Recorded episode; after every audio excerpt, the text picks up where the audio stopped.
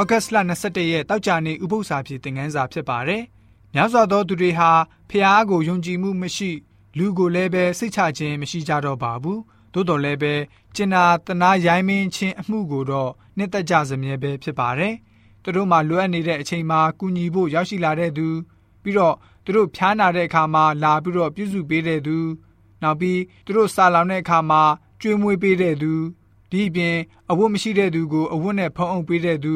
ဒီအပြင်ဝမ်းနည်းတဲ့သူတွေကိုနှစ်သိမ့်ပေးတဲ့သူစသဖြင့်ကျင်နာစိတ်နဲ့အတူမေတ္တာစိတ်တနာစိတ်နဲ့သူတို့တွေထံရောက်ရှိလာတဲ့သူတွေကိုမြင်ရတဲ့အခါမှာသူတို့ရဲ့စိတ်နှလုံးသားတွေဟာပျော့ပြောင်းလာပါတယ်။ကြည်နူးပီတိစိတ်တွေတဖွာဖွာဖြစ်လာပါတယ်။ယုံကြည်ခြင်းတွေလင်းလက်လာပါတယ်။ဖះရှင်ကနေသူတို့ကိုဂယုစိုက်တဲ့အကြောင်းကိုရောနောက်ပြီးတော့ဖះရှင်ရဲ့နှုတ်ထွက်တဲ့စကားတမန်ကျမ်းစာကိုနာခံယူလိုစိတ်တွေ ပွင့်လာပါတယ်ဆိုပြီးတော့ဝိညာဉ်တော်စာပေဖြစ်တဲ့ Egypt The Ministries of Healing စာမျက်နှာ145ကဖော်ပြလိုထားပါတယ်။တကူကောင်းစိတ်ကင်းတဲ့ယေရှုရှင်ရဲ့အမှုတော်ဆောင်ခြင်းဟာလူတွေရဲ့စိတ်ကိုဖွင့်လာစေပါတယ်။အတားအဆီးဟူသည်များကိုချိုးဖျက်ပစ်လိုက်ပါတယ်။အင်္ဂလိပ်တရားကိုလက်ခံဖို့စိတ်ကိုပြင်ဆင်ပေးပါတယ်။ဖန်တီးပေးပါတယ်။အသင်းတော်ဟာခရစ်တော်ရဲ့ကိုယ်ခန္ဓာဖြစ်ရတဲ့အတွက်ကြောင့်မေတ္တာတော်ကိုနေရာတိုင်းမှာဆေလွတ်ထားရှိပေးရမှာဖြစ်ပါတယ်။ ခရစ်တော်ရှင်ဟာကျွန်တော်တို့ပတ်ဝန်းကျင်မှာရှိတဲ့လူသားတွေကို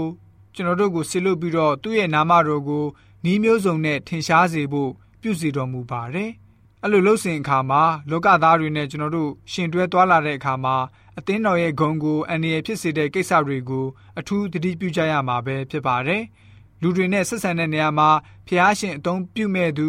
ဖះရှင်အလိုတော်ရှိတဲ့နေရာဟုတ်မဟုတ်ကိုသတိပြုရပါမယ်။ နောက်ပြီးဖះရှင်ခေါ်တာကဘယ်နေရာကနေဘယ်အရက်ကိုခေါ်ဆောင်တယ်လဲဆိုတာကိုပါလေ့လာရပါမယ်ဆိုပြီးတော့တောက်ကြနေဥပု္ပ္ပစာဖြစ်တဲ့ငန်းစာကဖော်ပြထားပါတယ်။ဥပု္ပ္ပစာဖြစ်တဲ့ငန်းစာရှစ်ကတော့ဒီလောက်ပဲဖြစ်ပါတယ်။ဥပု္ပ္ပစာဖြစ်အစစ်စင်တစ်ဆက်သူကျွန်တော်ဆက်စားပါ။ကျမ်းနာတော်သူရောက်စီတိုင်းဝิญဉ်ခွန်အားနဲ့ပြေဝကြပါစေ။ယေရှုတင်ပါတယ်။